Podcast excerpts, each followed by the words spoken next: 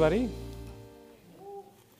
Thank you so much for taking the time to join us uh, this evening on this special occasion as we have the chance to talk to Nana Kwame Adjei-Brenyah, one of America's most astonishing new voices, writer of the internationally acclaimed best-selling debut, Friday Black. For the people who haven't read it yet, 12 uh, surreal, satirical, razor-sharp stories in which he addresses blackness, racism, and consumerism in America. The book has been labeled as one of the best of 2018, and uh, the American National Book Foundation added him to their list of best five under 35 authors. My name is Clyde Menso, I'm director of Amapodia. Uh, I was blown away by this book for several reasons, so you can imagine why I'm excited to learn more about his artistic process, the social themes that he exposes in his stories, and how dystopian fiction can be used to critique our society. We are also here today to celebrate the Dutch translation of Friday Black, which can be bought also after this talk. And if you're lucky, you can even get a signature by the author himself. Nisreen Bar Mbarki, who is also with us today, uh, will join us later on to talk about her method and the way she uses dystopian fiction in her work as well and share with us how she, as a writer, looks at the accomplishment of uh, Adjei-Brenyah's work. But now, without further ado, please welcome to the stage Nana Kwame Adjei-Brenyah.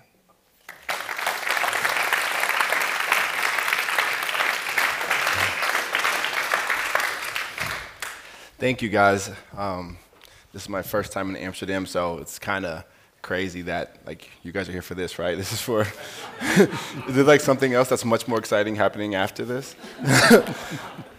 no, I'm just kidding. I appreciate it. Um, I'm glad my face isn't there anymore. That was uncomfortable for me. Um, I'm gonna read, just jump in and read the beginning, or at least the early parts of the first story in this book. It's called The Finkelstein Five, and I think you'll understand a little bit of what, about what it's about. He took a deep breath and set the blackness in his voice down to a 1.5 on a 10 point scale. Hi there, how are you doing today? Yes, yes, I did recently inquire about the status of my application. Well, all right. Okay, great to hear. I'll be there. Have a spectacular day. I mean, maybe I should say this because I'm overseas. That's like my impression of like American white people. Emmanuel rolled out of bed and brushed his teeth. The house was quiet. His parents had already left for work. That morning, like every morning, the first decision he made regarded his blackness. His skin was a deep, constant brown. In public, when people could actually see him, it was impossible to get his blackness down anywhere near a 1.5. If he wore a tie, wing tipped shoes, smiled constantly, used his indoor voice, and kept his hands strapped and calm at his sides, he could get his blackness as low as 4.0. Though Emmanuel was happy about scoring the interview, he also felt guilty about feeling happy about anything. Most people he knew were still mourning the Finkelstein verdict. After 28 minutes of deliberation, a jury of his peers had acquitted George Wilson Dunn of any wrongdoing whatsoever. He had been indicted for allegedly using a chainsaw to hack off the heads of five black children outside the Finkelstein Library in Valley Ridge, South Carolina. The court had ruled that because the children were basically loitering and were not actually inside the library reading, as one might expect of productive members of society, it was reasonable that Dunn had felt threatened by these five black young people, and thus he was well within his rights when he protected himself, his library loaned DVDs, and his children by going into the back of his Ford F 150 and retrieving his Hawtek Pro 18 inch 48cc chainsaw. The case had seized the country by ear and heart and was still mostly the only thing anyone was talking about. Finkelstein became the news cycle. On one side of the broadcast world, anchors openly wept for, their, for the children who were saints in their eyes. On the opposite side were personalities like Brent Kogan the ever gruff and opinionated host of What's the Big Deal? who had said during an online panel discussion, Yes, yeah, they were kids, but also fuck niggers. Most news outlets fell somewhere in between. So that's just the beginning of that story. Wow. Um, before we even dive more into this, this, this fascinating book and this, and this story in particular, can you tell us just a little bit more about who Nana, Nana Kwame Adjei-Brenyah is? Um, yeah, absolutely. Uh, whoa, existential question. No. um, I'm the son of Ghanaian immigrants. I'm from New York. Uh, and I'm, you know, a person who, you know, I think stories can do something for the world. Uh, I think that's why I have come to them. I think that's what I've sort of found a passion for. But um, you know, generally, I think I'm sort of like a, I like to be someone who considers themselves a student of the world or a student um, perpetually. Uh, I, I've gone, I've been sort of blessed, especially this year, to sort of travel.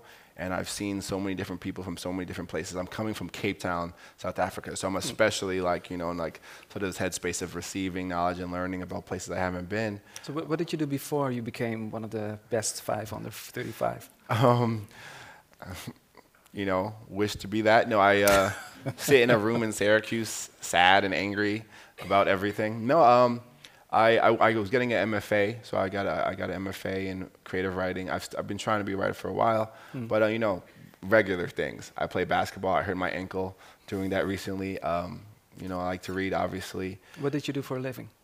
Uh, before I was teaching, actually. I was teaching as part of the um, at the same school I went to as a grad student. And after, uh, you know, as a professor in the English department at Syracuse University, and um, and that was really the only real job I've ever had besides the job I've held the longest, which is working in the retail and in, in the mall, selling mm. clothes, or the truck, unloading, you know, washing machines and whatnot from the the home the department store. You'll be using those experiences in, in your book as well. Absolutely. Yeah. There's a lot of um, clothes. So when, when we, as you, as you, yeah, as you, you uh, started your story, you, you uh, this is yours. I, thank you so much. Yeah, um, as you started out, uh, you started about the, the, the, the, scale, the scale from one to ten, and I could also hear in the audience a lot of you know recognition. Yeah. Uh, everybody, I think everybody felt connected to the, the whole concept. Um, how did you come, come up with that concept? Um, so yeah, the blackness scale in this story, uh, it's it's almost like a shorthand for like code switching, maybe. Hmm. Um, I think many of us, depending on the sort of identity and body we, inha- we inhabit, have to maybe adjust ourselves to fit particular spaces. Um, and I'm thinking about this maybe particularly from American context, but I'm sure it's something that sort of resonates yeah. throughout the world in different ways.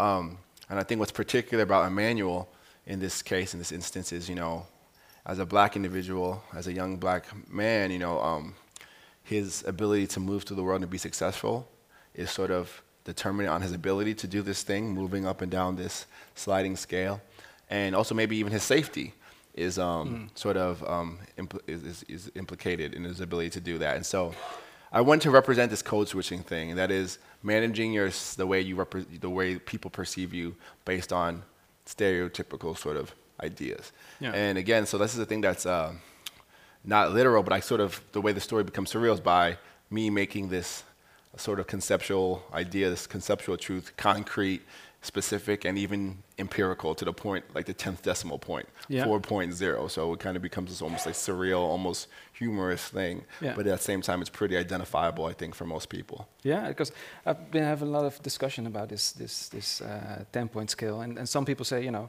Uh, why is always why is it always about color? Uh, it's about being professional in a professional environment. So what's your what's your take on that? Yeah, I've said it. I've said it before. For me, so much of professionalism yeah. is uh, coded racism in, in my feeling, and, and and I think about it in terms of, you know, what does me wearing a tie, for example, yeah. uh, have to do with my ability to be effective or productive in a space? This thing with no utility, just this knot I put around my neck. Yeah.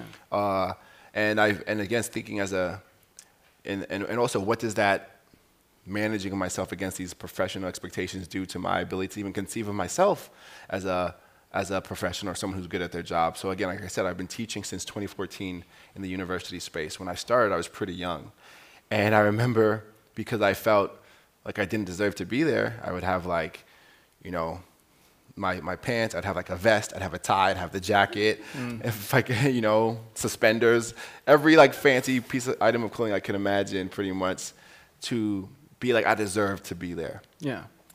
Um, as time went on, as, it, as I did more and more of these meetings, and, and it's not that I hate those things or that, you know, sometimes I like to dress up that way, like I am right now even.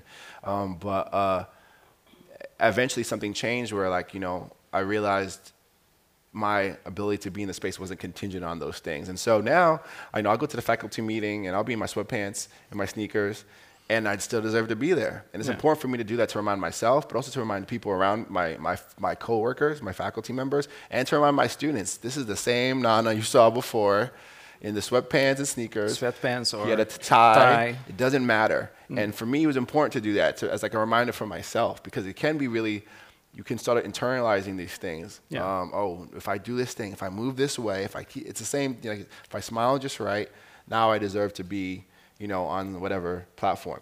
And so I, for me, the the it's really about rejecting those kind of things. And I think the professional world is really, really good at and, and like putting all these limiters on your identity, but calling it professionalism. Mm. In America, we have the, the thing of the like the overt racism of often black women not being allowed to wear their natural hair you know, or black people's hairstyles being policed because it's not professional enough, or they're getting suspended from school because their hair isn't professional enough. Their hair as it grows out of, out of its head, you know. So again, you know, uh, it's a it's a problem that we see in many different ways, and it's just kind of. Did you did you see any of this in, in retail? Did I see it in retail? Yeah. Did you experience it in, um, in retail? I, the store I worked in is, I didn't feel that way because we were a, a quote unquote urban clothing store. Mm. So I was almost encouraged in a different way. You want on a, a, Turn your 12. hat backwards, you yeah, know? Yeah, yeah, um, I was 12 on a 10 point scale. Mm-hmm. Yeah. Like, like they, no, they not 12. They went to like, you know, seven. Um, but anyway, you know what I mean? But uh, it's, uh, it, I didn't in the retail store, no. Mm. The Finkelstein 5. Um, it shows a lot of similarities with, with uh, in my eyes, with both the Trayvon Martin uh, shooting um, maybe even the, the, the, the, Central Park Five. Yeah. Um, um, and to me, both cases were already quite hefty in, in, in reality. Yeah. So, um, why did you choose to make these stories even more brutal? Yeah, uh, it's, it's a good question. So, I was in college when Trayvon Martin was murdered. I don't know if, how, how, how, much people know about the story, but a young black male um, who came back from the store after buying Skittles and Arizona iced tea, was approached by like a neighborhood watchman uh, who was armed with a gun and basically killed. He was killed. Um, as the court case sort of unfolded, excuse me, the, we got to see like sort of firsthand what was going on. We learned that George Zimmerman had actually called the police and told them, the police had directly told George Zimmerman, do not engage the, this kid. We'll handle it, we'll check it out. He didn't listen to them. He engaged the kid. Something happened. They, and Trayvon ended up dead. Um, and as the case went on, Trayvon became sort of who's clearly, you know, the one who's dead, the one who didn't have a gun, we kind of became the villain. George Zimmerman got off free. And so this was a terribly, like, sort of, I don't know, sort of traumatic turning point for me. And yeah. a lot of people, I think, my age in America, it kind of was like the thing that started what, not started, but sort of ignited a new level of what became the Black Lives Matter movement in America. Um, so for me, uh, the question is like, so why amplify? In this yeah. case, by using like a chainsaw yeah. and five kids. So me, the, the, the effect of that is to make it a little less hard to look away or maybe to ignore actually. Maybe it's harder, it's, you want to look away, but it's harder to ignore.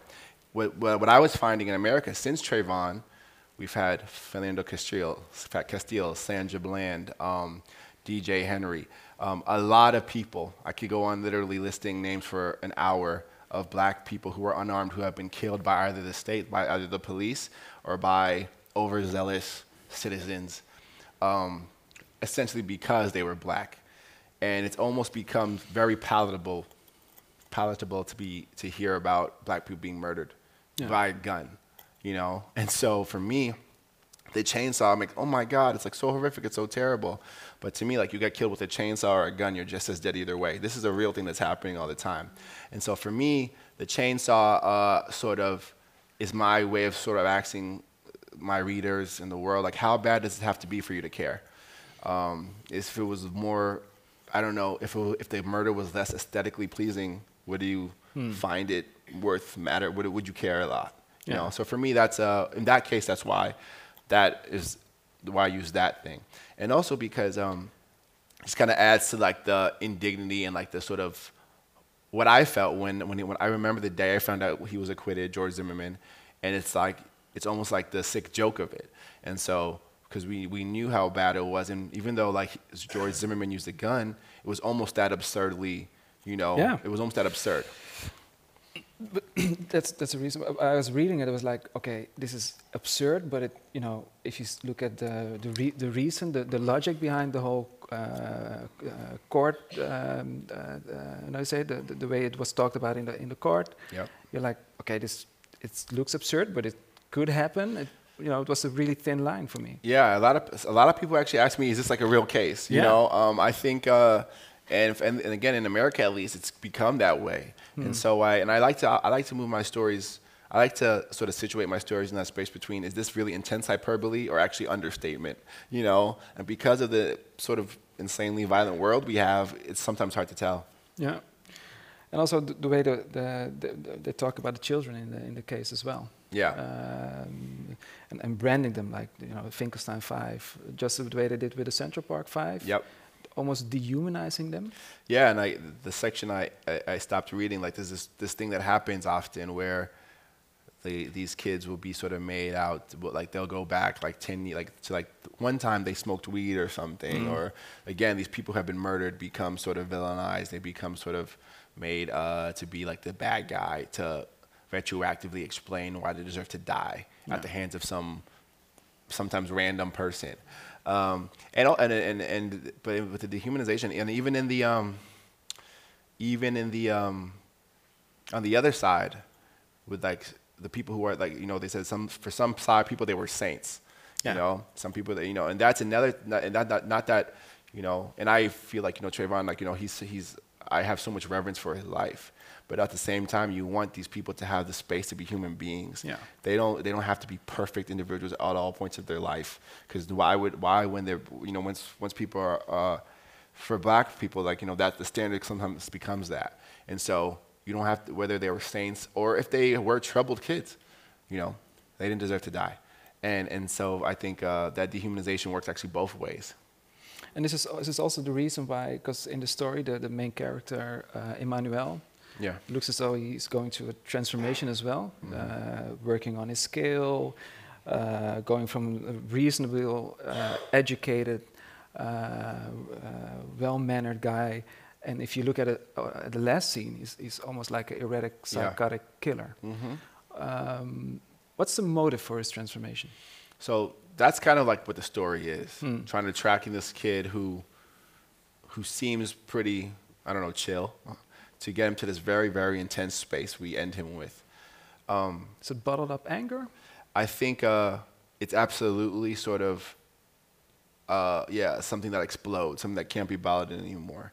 And so again, this is like the cumulative effect of someone who has to move through the world. Again, so he's doing this thing, he's doing this code switching thing, and he's good at it, and he's um, he's mastered it, and he's been having to practice this for a long time, and uh, and he's having to do that knowing that maybe if these other kids could do this thing that same way, they might have been alive or not, but either way, knowing that that's true, and looking around and feeling like this is this thing that we're trying to say or fi- that whatever the world is doing to remedy the situation is not enough. And he's also falling in line with a phenomenon that is um, growing. So basically, in the story, just quickly, uh, people around the world are becoming namers. And what that means is that they're dressing up very well.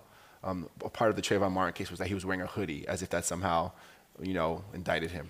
But um, they're dressing up very well in like their sort of Sunday best, and then going out and murdering white people specifically as like part of like their as like a ritualistic revenge, and also like sort of like the protest to end all protest and uh, he kind of falls in line with that group. And so, what is it for me? It's him. It's sort, sure it's bottled anger. It's sort of this collective. This is over. We've tried everything else. Exhaustion, I guess. Yeah. It's uh, a numbness that, you know, that that ends like you know like sort of the end of the line. And so I think uh, it's a lot of different factors that get him to get to that place. but also it's also him exploring maybe this is the answer, you know, and and and, and also maybe it's not. But uh, I think it's a lot of those kind of factors like that come together. And he also, because Emmanuel also meets uh, uh, an old friend. Yeah. Uh, Boogie? What's his name again? Boogie, Boogie. Boogie. I have a friend named Boogie. Everyone Uh, has a friend named Boogie where I'm from. you do too, really? Yeah, yeah, yeah. There's always a Boogie, Yeah. you know. I, I think he's called Boogie because he was great at playing keyboard, but that's a whole different story. Oh yeah. Okay. Um, so he, he what do you know? yeah. Is that an Amsterdam? He's, he lives in Amsterdam. Oh, yeah. cool. But- like a Boogie in Amsterdam. But to but to to Emmanuel, I guess this this this boogie re also represents his his roots, his uh, you know the um, and what I was wondering is um, you growing up. Uh, you're at a. I, I'm not quite sure if you're at the same stage and place where you're at now. You may Mhm. be moving in different worlds. Uh, how is that for you, living between? Yeah, it's uh so Boogie is um is sort of the person who gets him into this thing, and Boogie kind of is like I don't know like like a like a different type of person that's from Emmanuel, maybe a little bit less likely to follow the rules, a little bit tougher or something like that. Um, I don't know if he's like necessarily his roots, but I think he's like another option. And again, though, like, and this is this is another thing. So like, again, and this is again thinking more in the American context, even uh, in like an inter interracial context, like black people often police themselves even. Like your inability to code switch enough might be like looked down upon even in your own group, you know? And so I thought, um, sometimes, I, so I, and I think to myself about like, cause knowing that I, this, these are things that I've done, sort of adjusted whatever to fit a space, um, and how the culture sort of tr- teach, teaches you to look down on those who don't do that Yeah, yeah. that person who like I don't even know what the example I would use that would like strike here that wears a do Well, rag and like Tim's everywhere still. yeah. You know? But actually, Boogie stayed Boogie. Yeah, exactly. And that's what I'm saying. He's not Yeah. compromising himself. Yeah. The world asks you to compromise so that you can because we live in a overwhelmingly sort of like um, white patriarchal superstructure, right? And so those who don't compromise, like what how are we treating them? Sometimes we're like just get kind of like play the game to change the game, you know? Yeah, Um, but that's that's some people re- reject even that, and so I think Boogie come, is more on that side of that, and uh, and I think Emmanuel's realizing, you know what, that play the game, change the game. I don't want to play the game anymore, and I think sort of that's where um, what Boogie represents for Emmanuel, and especially seeing someone from his similar background uh, choosing that path. Uh, and how do you d- deal with it yourself in, in real life? Um, I've been very lucky that now I, the world is like tricky because you know you sort of get a status, or you get to do like you know, especially what I do. I'm an artist or whatever. Yeah. you know, you get to be on a stage, and it's a, it's I'm regarded very, very, very differently than how I was even a year and a half ago. I can tell you, I can feel it in every every day. I mean, especially when I'm like doing events or whatever, but I can feel it. Um, but Can like, you give more of an example of? um, so like um, like I was saying before with the I'm not necessarily like want to always wear sweatpants to the faculty mm. meeting mm. at, at Syracuse University, but I know that I can now, and I know no one will say anything about it Because it's a status that you've. because I'm in a different place than I was when I started. Yeah. And I, for me, what I do, for what, what matters most to me is now I try to be myself in all the spaces I occupy. Mm. But I also try to be aware that that's a big, that's a privilege that's afforded to me because people are like, you've done, I don't know, a book or something. So somehow that, you know, the, if you get to a certain space, like it's cool now. And not all spaces, you know. And how Uh, do the people uh, you grew up with react to, to your new status? Um, where I'm from, they're very supportive, actually, where I'm, where I'm specifically from. But also because I, I try my best to stay myself. You know, again, like I don't, I, you know, I, I represent Spring Valley, Rockland County. I was born in Queens, New York. I try to be that person. I try to move sort of genuinely still, you know. And again, like having a sense of self is important for me, and that's that's the hard thing about the code switching thing is you can if you get good enough and you are rewarded so often for it, you can you might forget who you actually were bef- before you started, mm. you know. And so for me, I try not to do that. And again, and, and it, it would be like where. You know, I couldn't really because I still I have the same friends I've had from when I was young. I'm still with those people like they and also they don't they don't care about books, so they I'm the same. It as goes I this, was. this far. They're right? like, Yeah, relax, yeah, bro. Yeah, You know we what I know, mean? we know you. Yeah. if I ever tried to act crazy, but I try not to because I'm not, you know, I'm, my, I'm I'm still who I was, and also it's all very new for me. There was an article in uh, in Het Parool yesterday, um, and uh, somebody asked you about the role of violence in your in your books, Yeah. uh, in Friday Black, and uh, you said, you know, I'm looking around me, and this is what I see.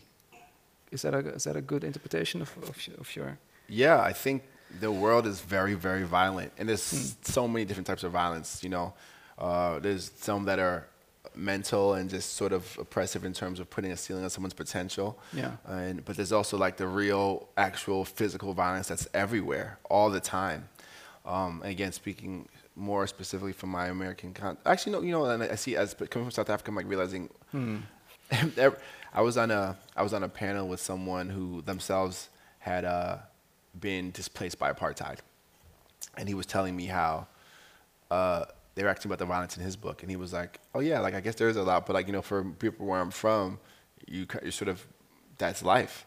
He uh, you we it's it's very normal. It's normalized. And so, to, for me, I think that it's we. I think it's very important to be honest about the sort of world we've created for ourselves. I think it's very honest to be. I think it's very important to be clear and uh, sort of unafraid to say like, some of us live in in pretty intense comfort, and right right there, someone is like maybe dying at our feet, and um, for me, it's important to say that. I think because without that, I don't think there's any real hope or potential for possibility. Um, I think the sort of hope that's realized without acknowledgement of the truth is is not only false but actually uh, very dangerous. Do you think that the the, the form of, of short stories is fitting to make that more felt? I mean, I hope so. Um, I think, I think it's fitting for the times for a bunch of reasons, just because of the way people consume content now. Yeah. Um, but also, in a book like this, can be. From, this is how I feel personally. A short story collection has a certain ability to move or exist intersectionally. Um, you know, if because there's all these different stories that sort of point to all these different ways. In my case, I think with this book that we deny each other humanity. You know, sometimes it's because of race. Sometimes it's because we think we're better than the guy selling us this coat. Sometimes it's because uh, you know we uh, we're men. Sometimes it's sometimes we all these different you know we so we think we're better than someone else. And this and and in my next in my, as I continue to work, I want to hopefully uh, parse that out in all these different ways, all these different systems that have gotten us to sort of be okay with literally and metaphorically stepping on other people's heads, you know. Talking about the the code, uh, could you read us just a little bit more about Friday Black? Yeah. Okay. So this will be um, a small section from the titular story. I learned that word at a conference, so I use it because it sounds smart. What does it mean? The title story. Okay. Or titular story. um, and uh, it's about Black Friday, which is that a, is that a thing everywhere? Uh, now we know what Black Friday is. Yeah, yeah, we have it here as well. yeah. I'm sorry for that. Um, I worked in the mall for a long time, and so I've seen several Black Fridays, and um, this story is about, you know, again, working in Black Friday, and maybe it's a little understated. and I'll be just a small section of this story, the titular story, Friday Black. Maybe 80 people rushed to the gate, clawing and stampeding, pushing racks and bodies aside. Have you ever seen people run from a fire or gunshots? It's like that with less fear and more, and more hunger. I see a child, a girl maybe six years old, disappear as the wave of consumer fervor swallows, swallows her up. She is sprawled face down with dirty shoe prints on her pink coat. Lance walks up to the small pink body. He's pulling a pallet jack and holding a huge push broom. He thrusts the broom head into her side and tries to sweep her onto the pallet jack so we can roll her to the section we've designated for bodies. As he touches her, a woman wearing a gray scarf pushes him away and yanks the girl to her feet. I imagine the mother explaining that her tiny daughter isn't dead yet. She pulls the little girl toward me. The girl limps and tries to keep up, and then I have to forget about them. Blue sun sleek puck! A man with wild eyes and a bubble vest screams as he grabs my left ankle. White foam drips from his mouth. I use my right foot to stomp his hand, and I feel his fingers crush beneath my boots. He howls, Sleek puck, son, while licking his injured hand. I look him in the eyes. Red, I look him in his eyes, deep red around the lids, redder at the corners. I understand him perfectly. What he's saying is this My son, my son loves me most on Christmas. I have him holidays. Me and him, once the one thing, only thing his mother won't, on me, need to feel like father. Ever since that first time, since the bite, I can speak Black Friday. Or I can understand it at least. Not fluently, but well enough. I have some of them in me. I hear the people, the sizes, the model, the make, and the reason, even if all they're doing is foaming at the mouth. I use my reach and pull a medium sized blue sleek pack pull face from a face out rack way up on the wall. Thanks, he growls when I throw the jacket in his face. That's a piece of that story. wow. Even in this, uh, this story, it's, it's hard to know if you should cry or if you should laugh because you also have a very humorous, satirical way of writing. Yeah. Um, what, what's the? How did you develop this style? Um, I think it's very much connected to sort of like the way I sort of cope with stuff myself. Hmm. Um, one of my great mentors and professors, uh, George Saunders, is uh, really. In, he says like the things you do to sort of. Uh, char- the things you do to like charm people are like often are going to be the same things you, you do in your fiction. Mm. And so I think I spent a long time being very like you know serious and I don't know what I thought was more literary or whatever. and that's really not my personality, as maybe you can see. Um, I. I uh, I think I rely on humor often to like kind of earn my keep in a room, but also as a way to keep from you know like being very depressed all the time. Yeah. And so it's you know so you almost have to laugh to kind of to keep from crying. But I do think like you know in general my fiction operates from just like operates in that space between like laugh should I laugh or should I cry? Yeah. And I think the answer is kind of both. You know. It's really Uh, powerful as well. But I do try to like I do think else for me it, it, it's important to be um engaging. Engagement for my classroom, my fiction with most of because whatever you could you can have the best facts and data and truth, but if people aren't engaged, it doesn't matter It Has to come across. you know so i for me humor is a big part of the engagement And because you told us earlier um, that you worked in retail as well. Uh, so this this fragment that you that you were reading is that you know um, you said in real life it's it's even worse. no that was my little like pre-punchline. Um, it's uh in real life it's well so it's gotten a lot better if you want to say that because online shopping has changed so much has changed everything. I was working in the mall during like the height of like black friday becoming like a thing like the ear- like the 2000 like let's say like uh nine-ish era to 2010 People crashing doors and they really yeah really stampeding in but you know. Yeah. we didn't have a, a section designated for bodies, you know. Excuse me.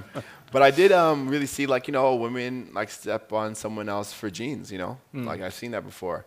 And uh, that's crazy to me. And I think it should be crazy to everybody kind of. Um, and so for me, uh, again, like sometimes the hyperbole is like maybe to pause for a second and think about because it is it is not unprecedented for people to trample human beings to get to a TV yeah. uh, or it was not unprecedented. So I just thought that first time that happened, we should have been like, whoa, you know. But I did spend a lot of time working in retail and uh, sort of observing the, just how much things sort of make us move, you know. And this, this is the ugly face, the ugly side of, of capitalism, if it even has a pretty side. One of many, many, you know, I think ugly sides of it, you know, and, and also uh, in a, in a, in a seemingly kind of, you know, a low stakes space. You know, it's low stakes, it's very familiar and common, but at the same time, some weird sort of insidiousness happens even on that level.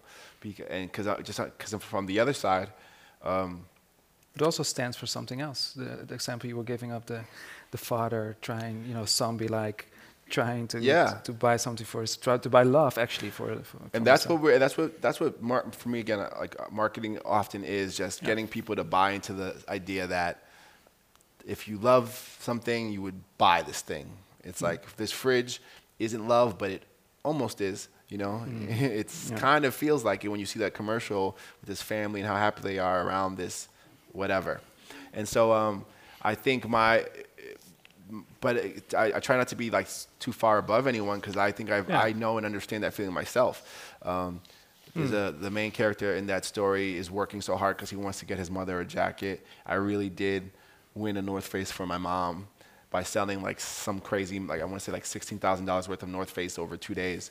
So um, North Face are expensive though, so you know you can do that. They were like they were like four to six hundred dollars at the time, Wow. And so um, but I was like I was a salesperson. I so did you also managed to give people a lot of stuff that they actually didn't need. Oh yeah, if you can, you know, if you can do it. Yeah. Cause I don't think you need any. I mean, you need. I. I, mean, you know, whatever. Go ahead. How does it, but how does it feel? Because you were actually um, working there, uh, analyzing what was going on, but at the same time, you were also part of the structure, part of the Yeah. problem issue. And I, I think for me, that's important part of all my work. And it's actually actually outlined by a poet named his name is Roger Reeves. And he talks about the work like using violence as you, like in art in general. And I try to think about it myself a lot. Yeah. He thinks of, he tries to give you guidelines for not merely recreating violence because, you know, you don't want to uh, use you don't want to be pornographic you don't want to re-traumatize people you want to make it purposeful. And and part of the, the he gives us some kind of like ideas that i show in every class i teach pretty much and every creative writing class because it's important to me. And one of the sort of tenets of doing of a sort of the ethical use of like violence in art is like self-implicating yourself. You hmm. know you're you're never like outside the whole thing. I'm not like i've i've i've done the thing where like I was like, I need Jordans more than I need air right now. You know, I've I've been in that I've been in that place. You know, uh, I I I, I can say I wasn't, but my wife is in the audience. So Oh yeah. um, you know, it's like it's a it's a thing. You know, so I that's important for Yeah. me to implica- implicate myself. I'm not somehow above anyone trying to teach people like the Lord's truth or something. I'm like in this thing too, looking around. I think. Taking your own own uh, role Mhm, uh, mhm. into uh, effect as well. Mm-hmm. The another character who was already al- also struggling with this whole idea of being inside of a structure or changing the structure, uh, to me is uh, Isaiah, the, the guy in Zimmerland. Yep. Um, Yeah. Could you, could you tell us a little bit ab- about Zimmerland, which is obviously connected to, to George Yeah. Zimmer? Zimmerman. Yeah. Men.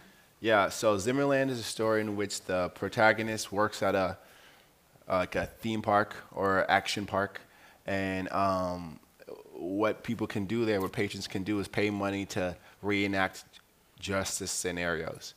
And what ends up happening for him, this is a young black um, person who works in this theme park. He has to be like a either some guy w- walking around this person, the, the patron's neighborhood, or maybe a suspicious person or whatever. And long story short, he ends up for his job having to get killed over and over again by these patrons who are enacting their version of justice, basically doing what George Zimmerman did to Trayvon Martin. And they're all white patrons. And they're all, and they're very, they're all, they're, for, for he, his patrons end up being all white yeah. he finds. Um, and so, uh, but so the question a lot for me, that story, when I once I had that idea, what it trying to get through it, my idea was like, why is he working here? Yeah. I was like, why would someone work there? And what sort of Isaiah, the protagonist, has convinced himself of is that he's decided that uh, if I can, I'd rather get fake killed here over and over again than that than that someone else get killed in real life. Um, maybe you know he's probably misguided because I think It's a, it's a little bit about what people used to say about uh, prostitutes in uh, in the Amsterdam Red Line. Just as long as we have prostitutes, uh, we won't have uh, people going around raping us and so forth and oh so on. yeah. So it made me a, a little scary to reading that because it also normalizes stuff. Exactly, and that's the and that and he, he ends up well. Spoiler there, I guess. Ah, sorry. he ended up doing something, but um, Get the book, buy the book. but yeah. um, yeah, he, he he's thinking about that issue, and uh, but he, there's a reason he's there. Mm. Um, but it is it's and it, it, it is connected to me for the the previous question. Like I think you're Yeah. connected them well because I think for me, anyways, the book itself and writing, if you don't do it well, it can be a Zimmerland, Hmm. you know, itself. So for me, it's kind of a way for me thinking about my, like that is, I don't want to make a space for people to kind of get their like black suffering fix off. You know, um, you want the work to be purposeful and do something and not be just pay to play violence, if that makes sense. Yeah, and and this whole idea of because there were also protesters from the outside, uh, Yep. trying to stop all these activities in Zimmerland, and this is Isaiah was trying to work from the inside. That, at least that's what he Yeah. thought he was doing, trying to change it from the inside. And this may be a, a long stretch, um, but it also made me think of the whole J.C. Kaepernick thing. No, Jay Z yeah, not a long stretch at all, I don't think. Yeah. Okay. Jay Z saying, you know, yeah, but it's from the inside. I have to work. Uh, I have to change the, the the system from the inside. And and Kaepernick was like, okay, you know, I'm working it from the outside. Um, how do you? What, what's your what's your take on it? Is is everybody clear on the whole Jay Z? No. Um, The like, I- the uh, the, Jay Z part of the Colin Kaepernick because I'm really into this whole that whole thing. The short, quick version. Um, quarterback for the American football player Colin Kaepernick was was trying to make a statement ab- against police violence using by kneeling during the uh, the Star Spangled Banner during football games, right?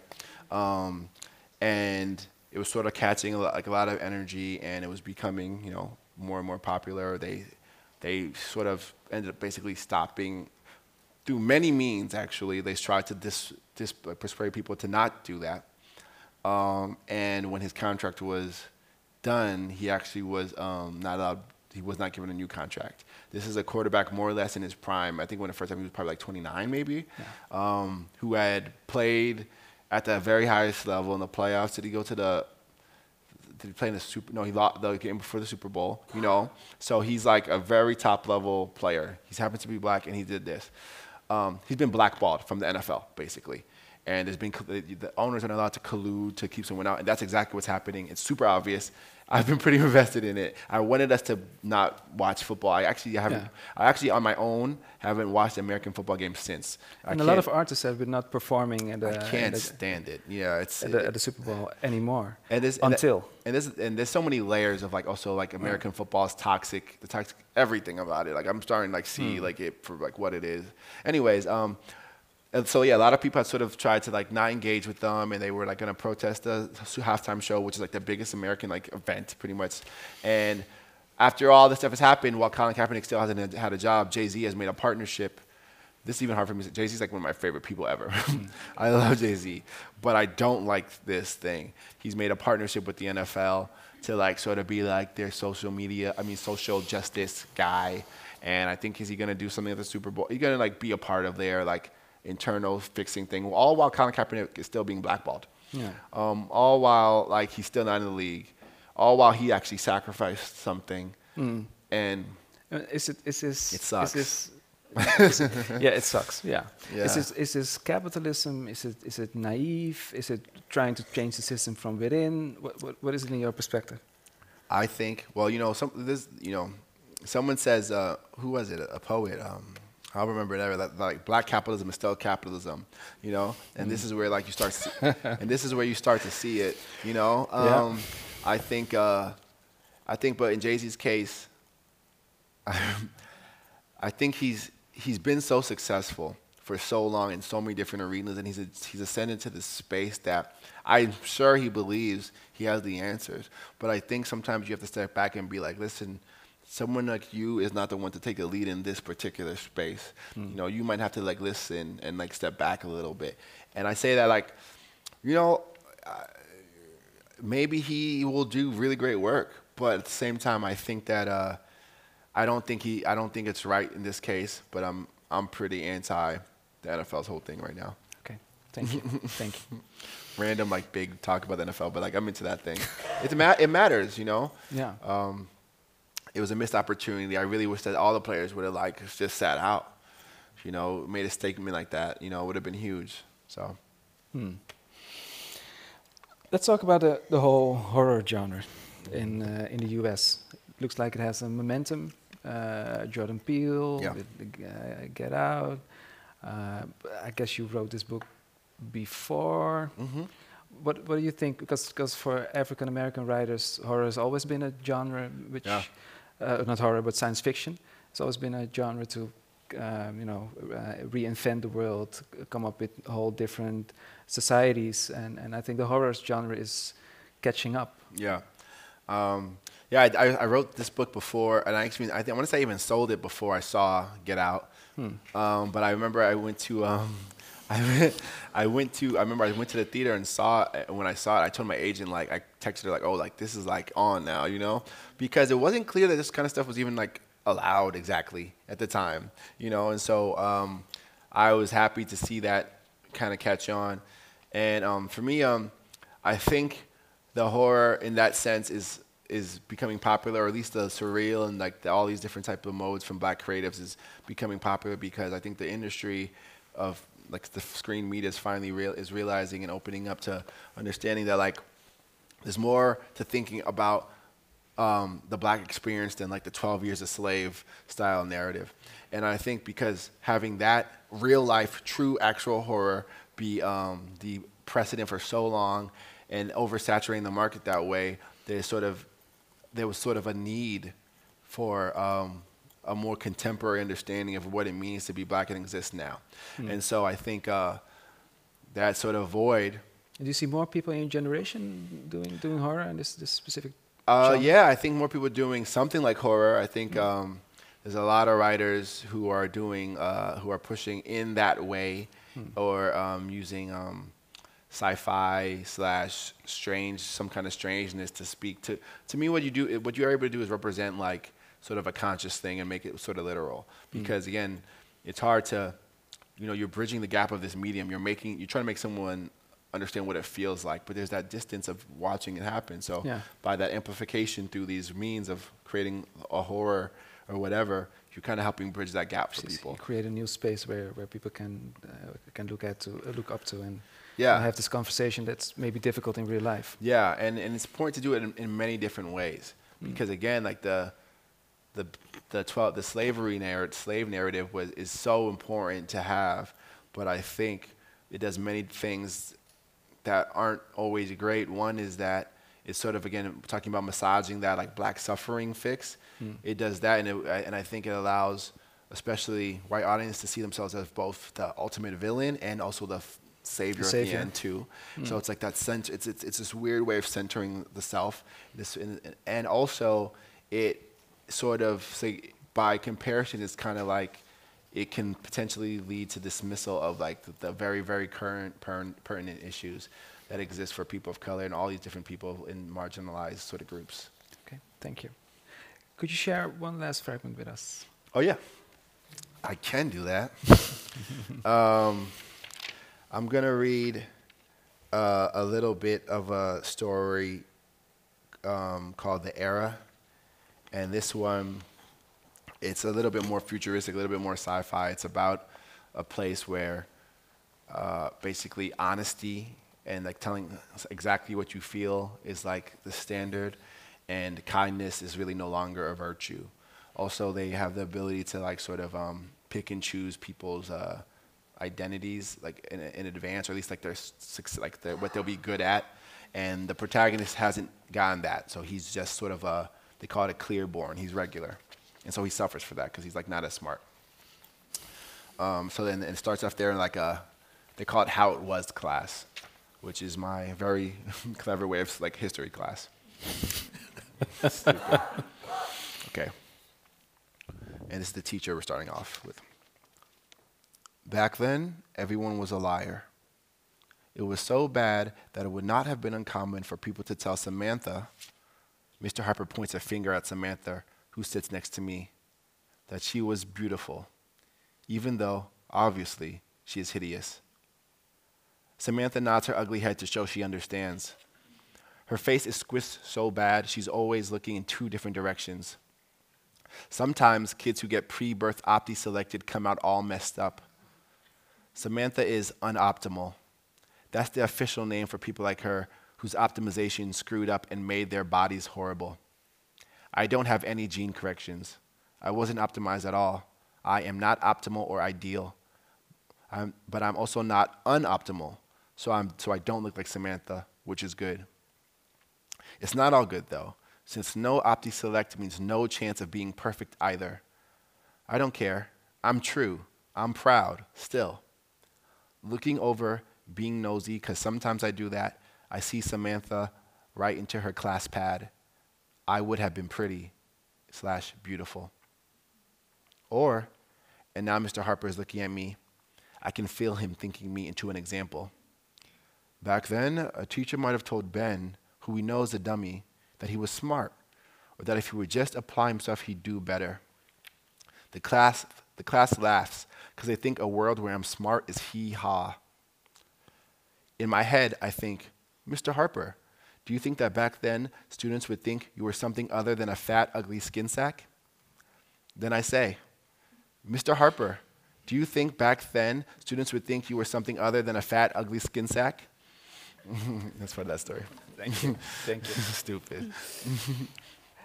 How do you feel on political correctness? Um, um, I think there's a, a, a, a difference between, you know, not being a political correctness and like hate speech. You know, I think there's a difference Yeah. between political correctness and, um, uh, uh, and um, I don't know, not being able to say anything. I think there's a difference between, uh, I don't know, me saying, me asking you not to be like a jerk, and uh, me having the power and ability to silence you. You know, so um, again, in America right now, we have a Because pres- you know, 'cause this was before we, we have you know uh, uh, the, pr- the president now who says everything and anything Yeah. he chooses to, and you know denies it afterwards. But yeah. uh, you wrote this story before. Yeah, I wrote this before. I thought it was even possible for he who shall not You. be named. you know, I'm not, but you can't even do that because that gives him too much power. But I just don't like to. I don't even like to say. it. I feel kind of like sick. Yeah, we have a problematic president. I don't know if you guys have heard. Um, and um, We thought it was a fiction, fictional story. um, Yeah. yeah. I wrote that story before I thought it was possible for that to happen.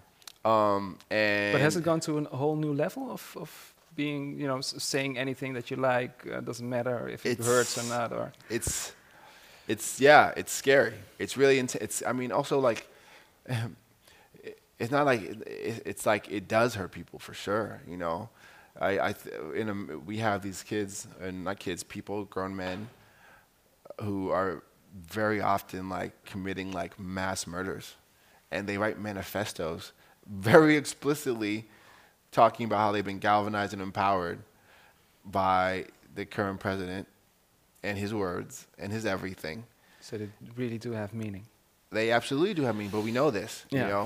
Uh, we, and, and, and, I- and, I, and I think we have to like, you know, And is this the thing that you're trying to stress in this story? Because it's also about engineered society, uh, getting, you know, choosing your or buying your own kid with their, own special characteristics. And I think that for me, uh, there's so many things like you know. I never. It's never just one-to-one thing, but I think for me, I was Hmm. interested in um, in sort of speaking to how I think it's really easy to get enamored with our own progress.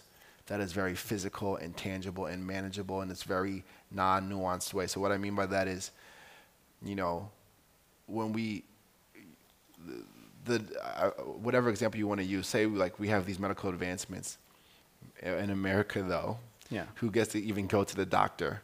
You know, I probably most of my adult life I didn't have insurance. You know, um, so like, did you really do something there? You have these sort of. It's almost like the the science without the liberal arts kind of thing. You have all that. You can build these skyscrapers till you're blue in the face, but why is there so many homeless people? You can have the technology to do whatever, make people optimal, but you don't have the heart to make it so that people can like live in harmony. So um, for me, I guess I'm, I'm pretty skeptical again, because and again, capitalism acts like this, you know, these like these uh, sort of um, developments and these technologies are always the answer, and I'm sort of skeptical of that. And I'm actually more afraid of them because I think that they sort of become like a alternative to actual moral human evolution and progress. I think this is a nice bridge to Nisreen. Uh, Nisreen is an author, teacher, translator. She writes poetry, plays, and sh- uh, uh, poetry, plays, and short stories, and translates Arabic into Dutch. And her poetry has previously appeared in literary magazines such as Het Liegend Konijn, The Lying Rabbit, That's what I thought it meant. uh, Tirade and the Gids. I, I won't even don't know where to start to translate that. Uh, she performed on the Felix Poetry Festival in Antwerp, uh, Night of Poetry and Global in Bremen, Germany. Uh, and she's currently a program maker for Read My World Festival. Please join us at the stage. Woo!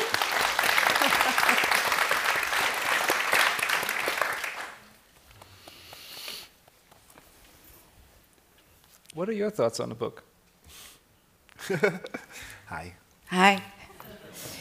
Um, yeah, actually, first of all, I have to excuse myself because my English isn't as good as his since I'm Dutch, but I'll do my best. So, um, as for the book, I was very inspired actually to. It sounds crazy, but to keep on writing. And um, especially s- since I'm a very big lover of short stories and it's like a genre that's almost not existing anymore in Holland and it really yeah feels really painful for me so I'm planning to start a revolution to yeah for the short stories because we used to have a great history of short stories also in this small country so I was like yeah more short stories I I'm gonna it. go on with this Oh, incredible. I love that. Thank you so much.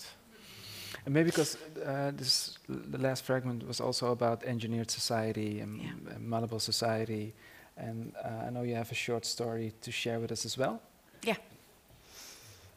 Actually, it's kind of um, the reality of what you were talking about. So it's about uh, women. Um, it's in a time that women are forbidden to give birth in our country. And the only way to get a child is to order a child from the matrice. It's like this very big building in the heart of the city. And all women have to order a child from the matrice. And yeah, you, they don't need men anymore to get children. So, and the other important thing is that at that time the city is divided in districts, and people are not allowed to go into other districts. So it's crazy because I'm going to read it in English, and I never read my own work in English. I read in Dutch, sometimes in Arab, even in French, but English. It's kind of scary, but I'll, I'll try. So, I met, I met my mother a month ago in the first neutrality. I told her that I ordered a child from the Matrix. She immediately asked if I wanted a daughter. Of course, I wanted a daughter, especially that men are useless and therefore unnecessary. She was happy and told me she gave birth to me 45 years ago. She conceived me with my father, that used to be common. He died in the first Western War. I remembered, I don't remember much about him. As she was speaking, I saw tears in her eyes. I cannot remember when was the last time I saw her cry since my father died. She put her fingers on her ear. She always does when she talks about him. The two gold ear pins I remember of her union with to him and to me. She asked me if it was a clone or a fertilization. And then she asked about the seed of Bent Lumen. That's the baby. I told her that I chose the seed based on intelligence, physical strength, and creativity. From the database of District 5, of course, my district. I have also excluded diseases and selected the same external characteristics as mine mixed blood. It has cost me a lot, too much, but I will only order one child in this life. I envy that my mother could carry me, because I will never know and feel how that is. The thought alone is forbidden, but I keep thinking about it. I did have a simulation to feel it. It was heavy and felt weird, but somehow I knew it must have been very different. My mother told me that it was really pleasant to carry me and that she felt happiness. Although she could have done it without the delivery itself. Delivery. What a word to describe having a child in the old times. The old people used to literally deliver a being into this planet. That's Thank you. bars. Yeah. What makes you, you know, start writing these stories? Where, where do you get your, your inspiration? For me, actually, Friday Black and the stories that I write are are not strange. They are just reality.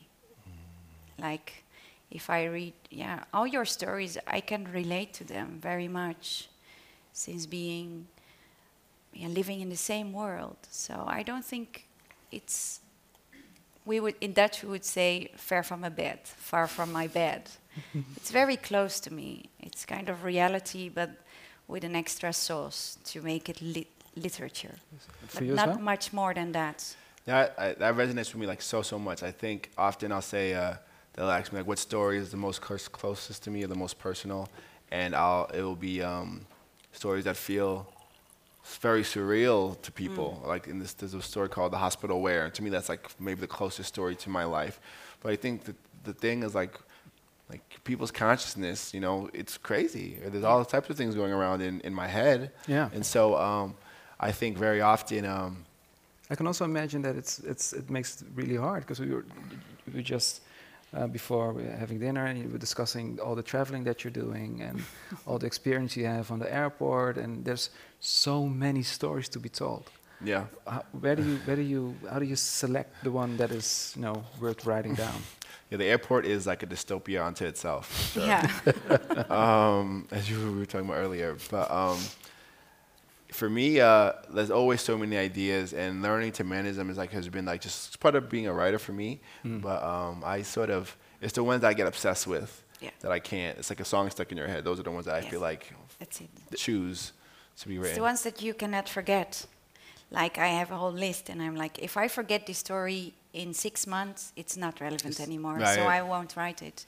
But if it keeps coming back, or it's like constructed out of images, and if this image touches me and stays in my mind, that's gonna be a sto- that's gonna be a story. Mm-hmm. And uh, yeah, it's for me, and I'm not sure how how for your process. Like for me, sometimes uh, idea will sort of sort of churn or ferment or gestate or whatever for like several years, you know, before Yeah. I ever like actually set out to like write something about it. Yeah. Yeah. And how do you come to the to the whole combination? Because this is a bundle with tw- twelve stories. I can imagine there are like you know hundreds of stories that are on your on your your laptop. Yeah. Uh, how do you come to this selection? Because when I when I read it, to me it was like in one story there was um, more dystopia than in others. And, you know, this like a also on a certain certain scale, uh, perhaps. How do you come to this selection of stories? Um, it's a, you know, I think it's important to get, like a book is different from like a greatest hits, you know, Yeah. know, Um, or for me, or like an album is different from a greatest Yeah. hits. And I really thought about it like an album, and I, and I kind of get some from. I took like a bunch of poetry classes in my MFA, and I think about the poets because, and I remember Bruce Smith saying that like if you have 99 poems, the order of them is the hundredth poem, you know? And so like I like uh I'm really into like I want there to be a specific feeling, you know? And so when I had my thesis, like with my thesis advisor, it was like probably four stories longer. And I cut them because I think that they were okay stories, they're pretty good stories, which is I don't usually think about my own stuff. And um, but I just wanted to um, I don't think they were right for this book. And so I really go through like a track list. I think of it like a, you know, with short story collection like an album, song by song, story by story. What's the sort of what kind of mode and mood can I tease out? What can I sort of put in your face? Mm. And so even like f- again, every single story, the first story is pretty intense, pretty violent, and also it's the first story of my first book. So I know in a very particular way I'm going to be kind of thought of as like a a race writer or something in some specific way, which would happen no matter what because black. But like, um, but like in It's a gonna follow you forever. in a specific way. Like the word racism will be in all my branding Yeah. materials, you know? And I, and I knew that, but I just thought it was like more important to put it there. And then the second story being like a very short sort of interlude, basically saying I love you to my mom. And that one ends like, I hope you can be proud of me. And the next story starts, suck one and die. And I thought that was like a funny, you know, thing. So I went that, that kind of feeling all the way through. For me, it's a little bit different because I write different kind of things. So sometimes I like the I write yeah, poetry and theater text and short stories, and like uh, uh, the theater text I wrote was really out of anger and frustration and not being able to say what was alive in me since it was so complex. Like me as a Dutch woman with North African parents, Moroccan parents, but single mom, non religious, out of religious people. It was too much, hmm. too much going on. And hmm. yeah, I, I had to find a structure where this whole story in all its layers could be told. And in this case, it was the, the piece uh, uh, Club Paradis. And then sometimes um, it's the best way to put, put it down is poetry, and sometimes it's a short And is story. is there a relation between the complexity and amount of fantasy that you put into a story? Uh, no, it, the, f- the fantasy has to do with reality. Like, uh, I see the world as surreal. For me, nothing is real. Like to see all these people here is like, it's kind of a still out of a we'll, movie. we'll get, we'll, we'll you get to them because they have a lot of questions for us. Yeah, and then Yeah. like uh, the next the next moment, um, it's because of something that you you said. Like my life is in so many different worlds, and how can I bring all these worlds together? It's almost impossible. It's it's so different, you know, to to. Um, yeah, you, you have to adjust all the time, and you, you become like this great actor who is able to play all characters. But yeah, who, who am I then if I can play all these characters almost perfectly? Mm-hmm. Yeah. What is it that you see? So actually, that's the question. And like, okay, who, who am I, and how can I, how can I give this back to the people who see me, and maybe show another image? And that has to do with surreality. So they're real for me, but maybe surreal for other people. For other people. Yeah. Okay. Maybe one final question for the both of you before we go to the audience, uh, so you can already, you know, think of the question that you're going to ask either one of these beautiful authors. Um, you were t- just talking about the hospital where, um, which you know almost looks like an, a Franz Kafka-like uh, situation, really bureaucratic.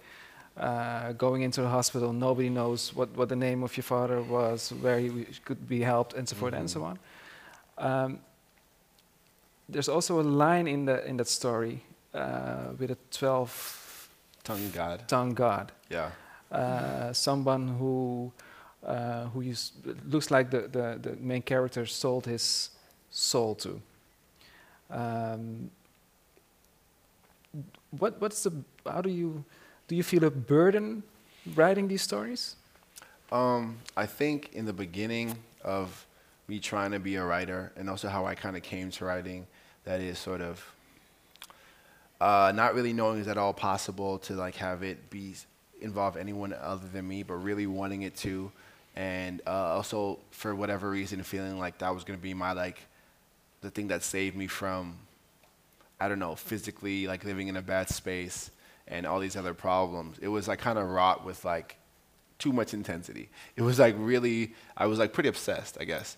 Um, if I, I used to jo- joke like if you would ask me like, okay, cut your f- pinky off and I'll let you be a writer, I would have been like, uh, can I do it one big chop, you know, and not like. Um, and so because of that, I think I had a sort of stressful relationship with like, in the, like, like my muse or whatever. It was like this. It was I was obsessed with it, but also I was so the stakes were really really high in my mind because again with that capitalism thing, by a different way, I was still in this sense space where I was trying to equate my value and worthiness to exist or even live with my ability to produce something, and uh, that is a, and it was unhealthy, and so for me, um, that's where that sort of and that story is like about a character who is not yet arrived, I guess, or whatever it is when the books like exist in the world, and he's very stressed out about it, while also his father is is sick, and so um, for me, um, and he does like a whole he does sell his he, he sells his like life to his muse, which you know I think in some ways as artists you sort of do do that, but I think I've sort of grown away from that space where it is mm-hmm. more like. Uh, it's a little bit more I under, I'm, I'm, more tied to the purpose and what the work can do as opposed to like this self uh, realization thing, you know. So it's kind of grown in that way, and I think I'll do another one with like the 30 tongue, 32 tongue God or something, you know, because the 12 tongue I think belongs to like some rights that I sold or something. But now I can like have it in a different way. But I've grown also as like an artist and like as a person, and that I, it's not so. And do you feel that, that you've sacrificed a lot to, to get at the point where you are now? Oh man, it's I, I, I do think I have in like uh, it's like it's hard. I think it's important. I try to tell people who are trying to do a thing, you know, don't don't remember what you're doing it for. You know what I mean? Mm. Like don't let like you don't like if you're trying to get a coat for your kid, don't not live be with your kid to do it. You know? Mm. Um, for me, my father, uh, I just an example that's sort of like maybe like too dark. I was in Australia basically on book on a book event when my father did the event, did the sort of procedure he would never like awake from, mm. you know, or be fully awake from, you know. And I'm gonna think about that forever. And I was doing it for him, you know. I've been trying to like, you know, we're almost rushing to like sort of help his. He had cancer, and um, you know, I think of that kind of stuff all the time. You know, for my whole family, like I'm sort of, I'm don't worry, shut up, I'm saving you. You know, that mm whole thing. And uh, being aware of that, but I kind of accepting that, growing from it, changing sort of from there. Um, I've learned, I think, a lot. Thank you. What was the question again? If, the, if, if, if, it was a burden? Yeah, if, if, if writing feels like a, a burden, uh, you know, the, the, the, pressure, the pressure to write and to deliver. No, because I'm a little bit older and I like, uh, yeah, I started writing a long time ago. But I, yeah, I also have a family and I'm a single mother, so, and that, that was the first thing I had to do so I worked as a teacher of philosophy for 20 years. And then I became 40 and I was like, okay, my child is a little bit bigger. So now I'm going to stop teaching mm. and uh, I will take my time to write. And meanwhile, of course, I, I wrote stories and um, poems and theater texts, but I, I never got them together to publish books. So in that, I guess there was a big need, but the pressure to work and make a living was bigger than to be a well-known mm. writer, writer. or I, I mean I am a writer whether people know me or not mm. but the thing is like now I'm taking my time to um, to write and translate and actually I've been living from writing for almost two years and it's amazing that's For me, that's already an amazing accomplishment. accomplishment. Yeah, it is. So. Yeah. And like uh, when Toni Morrison died, I read one of the old interviews, and it was kind of um, very troostend. Comforting, consoling. Yeah, because she said, like, uh, they asked her, what would you advise the young writers, and then she said, "Start at 40," and I was like, oh, mm. "Thank you so much." Yeah, she, and she did. Well, would you advise uh, uh, to, to, you know just have a rest and start at 40 again? Yeah, definitely. right, that's what I'll do. Maybe there are some people that's in the audience who have questions for so one of these writers as well. We have two people in the audience with a microphone. Um, as I said, questions they end with a question mark. This lady here in front. Okay. Um, I'm kind of curious what we see now in the world. A lot of people are saying it that it's so divided that on the one end we have your president, your American president. We have many more. We have them now in the UK. We have them here in the Netherlands standing up as well. But on the other hand, we have the Black Lives Matter movement. Um, we see women as well standing up in, for example, Saudi Arabia, willing to drive, um, yeah, risking their lives. So when you see this two parts, it seems like there's nothing in the middle anymore. These stories are in a way as well, like on the far end of reality. And I'm just curious to hear from you where do you see it's going? So you say you're writing these stories to make a change, perhaps. What kind of change would you like to see? What do you think will happen? Me first? Yeah. Go on. Um, uh, I, I, I think that stories can do something important. For me, what I really hope to do is sort of uh, one of the like tangible, real things I think is important is like, or not exactly tangible, but important is like stretching the like collective imagination of people. I think that um, it's a great power to be able to imagine that a world very, very much different from the one we have now that doesn't rely on the institutions we have now. And I think that's what my work can do. Um, and I think that's what I, I, think what fiction can do. I think that's what poetry can do. I think that's what writing in general. It's one of the things it can do that's important. And that's another, to me, like a, a benefit of pushing on reality, you know, and put it in quotes so that because get someone else to be like this, but this is how I think about it. For you, it's very surreal, but actually, maybe to me, that's like that's what it is. Just as um, it's almost surreal that this person, this whatever type of racist or whatever, could move to the world that way. So I think that's important. I think that I guess imagination stretching thing will allow I think people to find more um, ability to empathize. But I think, but what's also important, I'm trying to think of the author who said that.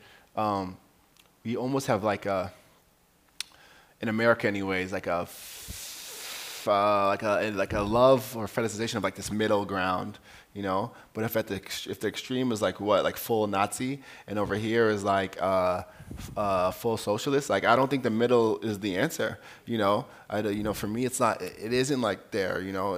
I think uh, there's a such thing as wrong, you know, and we mm. know that, and there's a such thing as like people being treated poorly. You know, there's a, and I'm, I'm thinking about it so much because it's coming from Cape Town, and where this this guy himself is like telling me about watching his friends die regularly, you know, and so it's like is, the middle can't be between apartheid and and and and and, and like you know there.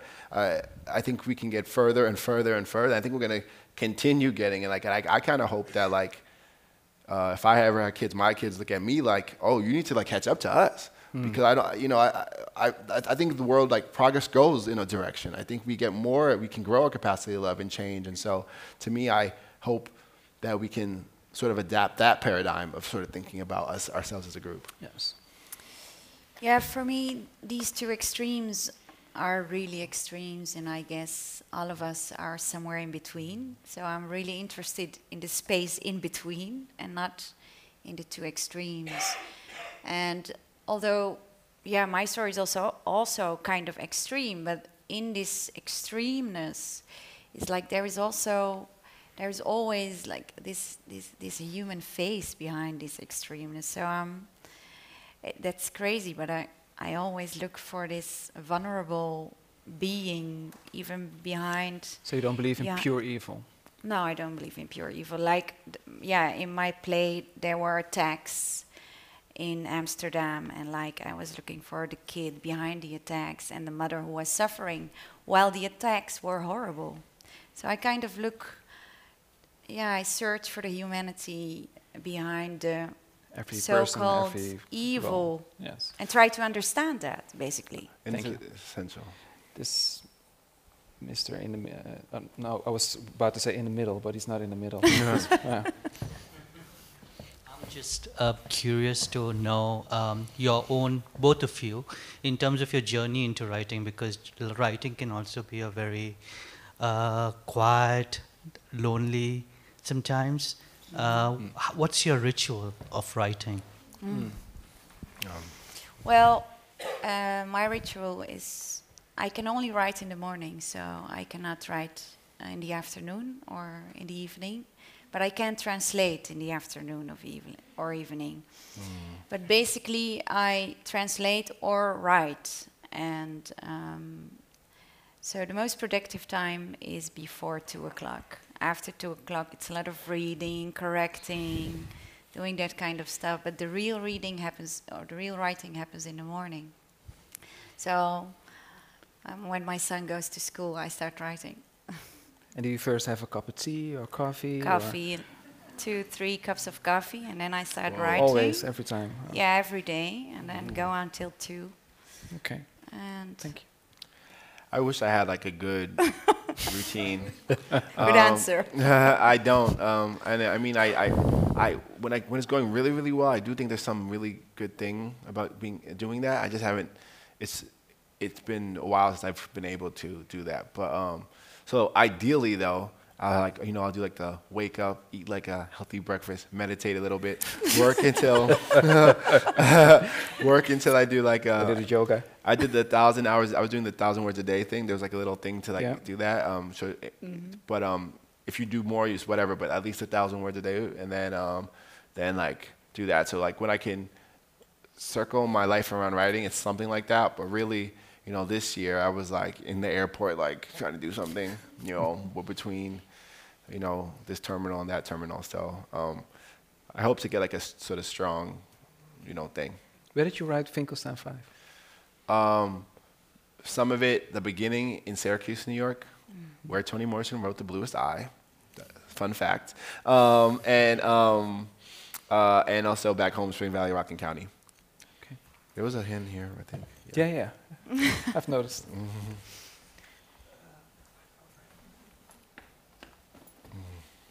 Um, so I just wanted to say two things before I ask my question. One, I'm mad about Jay Z because now I have to t- cancel my Tidal account. Oh, wow.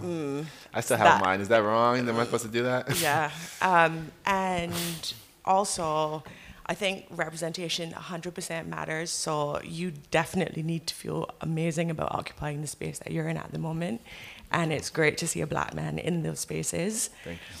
And um, my question is I think for me, also being in America, sometimes it feels like it's kind of open season on black people in America. And every time I visit now, there's, I kind of feel a bit scared. Um, and I've had some experiences there that aren't, that weren't really cool.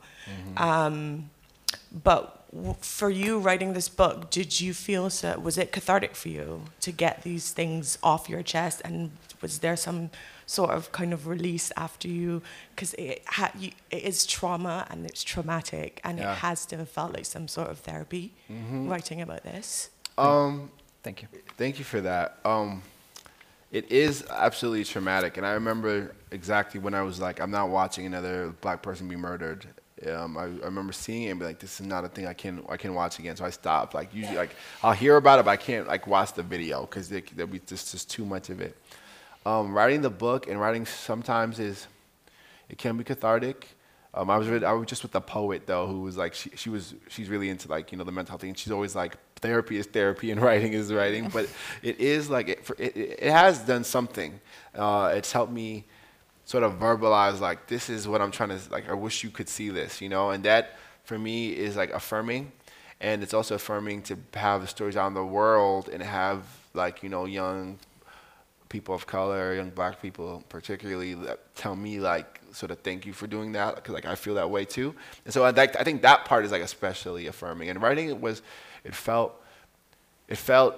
Sometimes it also, but also sometimes the opposite. Sometimes they feel like it, it, it's you you you're, you're there's a cost on your psyche actually, you know. So it kind of cuts both ways actually for me. And sometimes I got, but you know, let me like kind of get away from this for a little bit because I'm getting sad, you know. But that's just honestly the truth. Thank you for that question.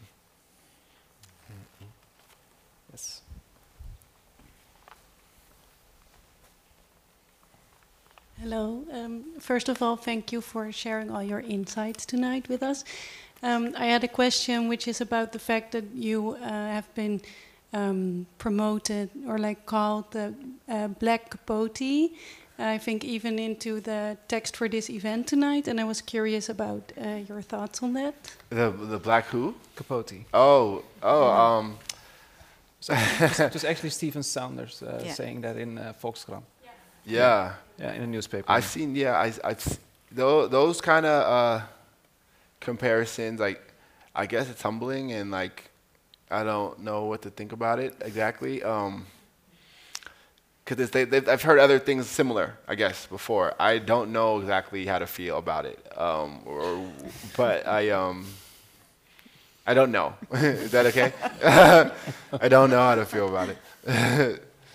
yeah, here we go. This lady over here.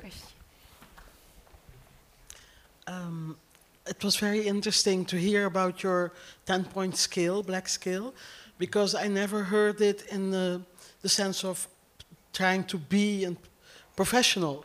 Uh, just once in a book about black history, bla- about, about the history of black hair, Yeah. I heard that after slavery it was considered very unprofessional for the women to have uh, braids or something.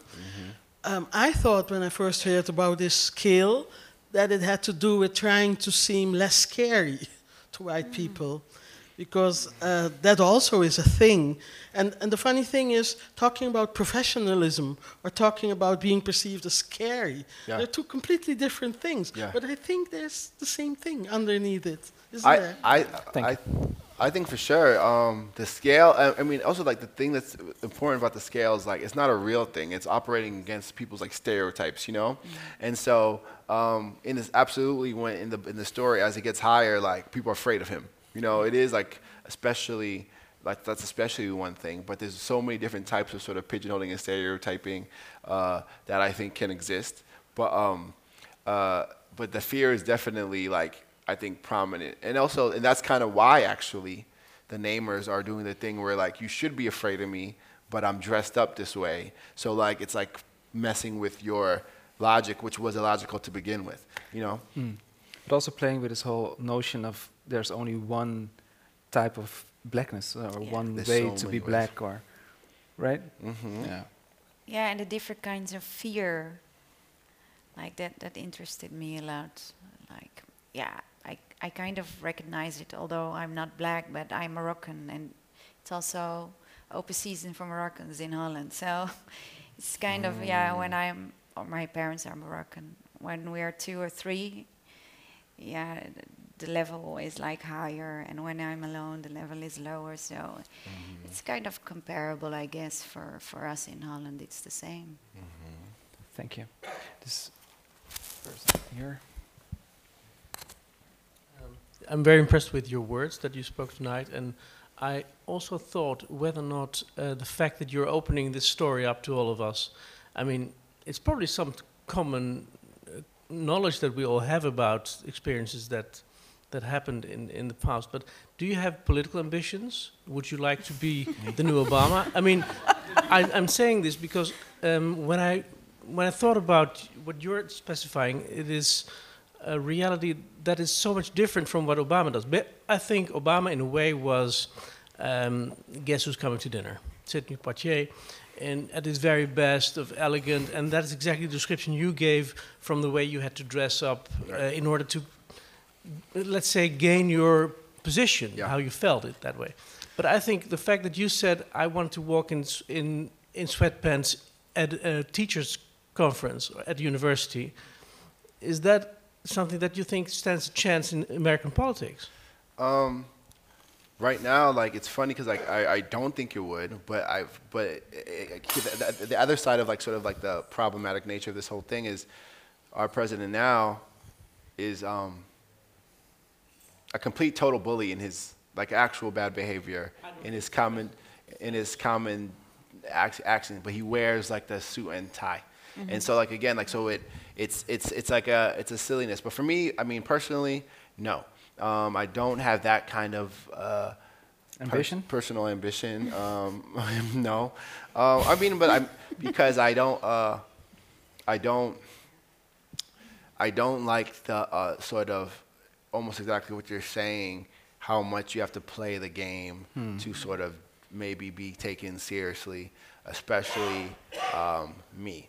And with the Barack stuff, you know, um, there's so much to say about like you know like the the standard that he was under and how difficult it was, but also uh, he, you know, he was a politician, you know, um, and you know I, I I think that my view and I've seen like what's his name speak, Joe Biden speak before he came to the school I was teaching at, and like I know that uh, my views are it, pretty far, uh, pretty far. Uh, I don't know, left of like whatever even is like I guess progressive over there. So I don't really feel Do you, super do, do you feel like uh, Obama had to tone his blackness down?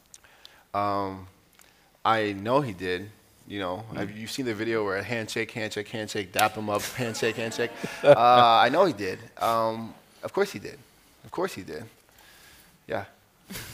we'll leave it at that. Th- There's room for two more questions. I see two hands. That's perfect. I see three three hands. Okay. There's room for three more There's questions. oh, thinking behind you first. Yeah. Which one? Here. Boom, boom. If it's no question, Sorry, then no, no, no, no. I just wanted to say, um, as a privileged white woman, um, I wanted to thank you because we were talking about the extreme left and right wing. But when I read your story and then becoming a wolf, that's part of your first story. Yeah. When you, it was very important for me um, when we're thinking about empathy. And that's why I wanted to thank you Thank you very much. Because it's a very that. for me it was a very important part to imagine and we, had- we talked about the skill already but that part was Okay. Thank you. I'll turn it into a Yeah. question. Can you can you tell us a little bit about the wolf? Because not everybody read the book. Th- Um, there's, there's going to be another hand yeah, then here we'll, after we'll, that. we'll take but, the um, question. Uh, the, basically, at the end, he's sort of like, this is what it feels like to become the thing that they've always sort of thought I was. While I'm actually, you know, this. He, and he he looks, f- he's in that moment thinking like, okay, like I can maybe there's some freedom here, hoping that there'll be some freedom here, and then you know we can see what happens whether or not this fulfilled there. But to know that that you're kind of like thought of as like I don't know a wolf or a rabbit or just on the edge of like doing something I don't know what, um, and sort of getting that sort of release. It's it, it's kind of about that and what that feels like to have your whole life be sort of looked at that way. Okay, thank you. Thank you for that. I appreciate it very much. This question here. First of all, thank you for you and your your talk. Thank um, you. Second of all, um, do you think you see changes in um, not having to code switch or go level to level anymore in getting um, getting bigger or becoming in a big space? Like, Yeah, I do think so. I mean, I I've already kind of like again I kind of built, try to build it in my life that I just do what I want, you know, as much as possible. Um, but I know that because of external perception, there's like already like a it's almost like there's a there's like a stamp on me from before that's like it's okay, you know, to inhabit a space and do whatever. So I do think there's something different. But and what I try to do what I try to do with that is try to use it meaningfully. That is like help people see that like wait that's the thing you were doing in the first place and also i'm not like some it shouldn't be that it shouldn't be that you have to earn your right to get to be yourself all the time Thank you. Last question in the back. Oh, yeah. Okay. Um, hi, thank you very much for your uh, information tonight. Um, what really struck me about your uh, debut novel is that it's a collection of short stories, and you know I really like short stories because uh, there is so much power, even you know if you write a shorter story compared to a longer novel. But I'm interested in now that this is finished. Maybe it's a bit too ahead, but maybe for your next work, will you continue to write short stories, or are you maybe interested in writing a longer novel? um, i am working on a novel right now it's codenamed top secret novel and, um, yeah i am but i am though that's real not the top secret part but i am working on a novel now and um, you know i can't say anything else What I about am. movies? Huh, movie stuff Yeah. I am working on a top secret thing, codenamed Top Secret movie. no, I am doing that stuff too. I'm trying to do the screen stuff uh, as well, which kind of adapting these things. So we'll see how it goes. You know, we're just trying, try our best. Okay. I would like to thank the audience for attending and being so brave and, and listening so quietly and uh, attentively to everything that you had to say. Uh, I'd like to thank Nasreen Barki for joining us and sharing her story uh, and her writing skills as well. Um, but most of all, uh, so much thanks and praise for you coming here, Thank sharing you. us, uh, giving us these insights, Thank you. and delivering this beautiful book, which uh, can be bought. Uh, did I mention that already? Um, thank you so much. Um, maybe a big round of applause for these two wonderful artists. And thank you guys. Thank you. Thank you. Thank you guys. Thank you all. Um, and hopefully we'll see each other again next Monday, 16th of uh, September.